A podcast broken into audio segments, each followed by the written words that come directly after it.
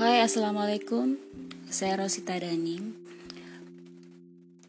Setiap kali kita membuka mata setelah tidur malam di pagi hari, biasanya kita teringat akan hal terakhir yang kita pikirkan sebelum tidur.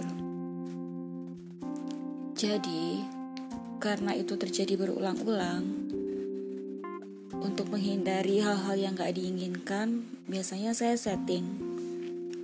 Setiap akan tidur malam, saya berusaha memikirkan hal yang baik-baik saja.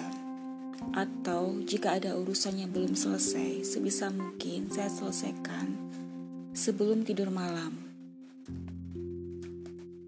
Dan kalaupun tidak bisa terselesaikan sebelum tidur malam, biasanya saya membuat list tentang hal-hal apa saja yang harus saya selesaikan esok, supaya tidak terjadi sesuatu yang mengganjal di benak dan di pikiran. Karena kalau ada yang mengganjal, biasanya tidur kita menjadi tidak nyenyak, dan itu berpengaruh terhadap mood kita pada saat bangun di pagi hari. Kalau ada hal-hal yang banyak sekali dan belum kita selesaikan, kita bangun di pagi hari itu dalam keadaan hati yang tidak tenang. Itu berdasarkan pengalaman saya.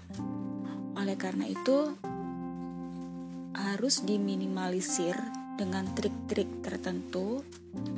Apa pun itu yang bisa membuat hati kita lebih lega, dan bisa menatap hari esok dengan lebih positif, dengan lebih semangat, dan lebih percaya diri. Kita harus percaya bahwa kita bisa menyelesaikan hal-hal tertunda tersebut.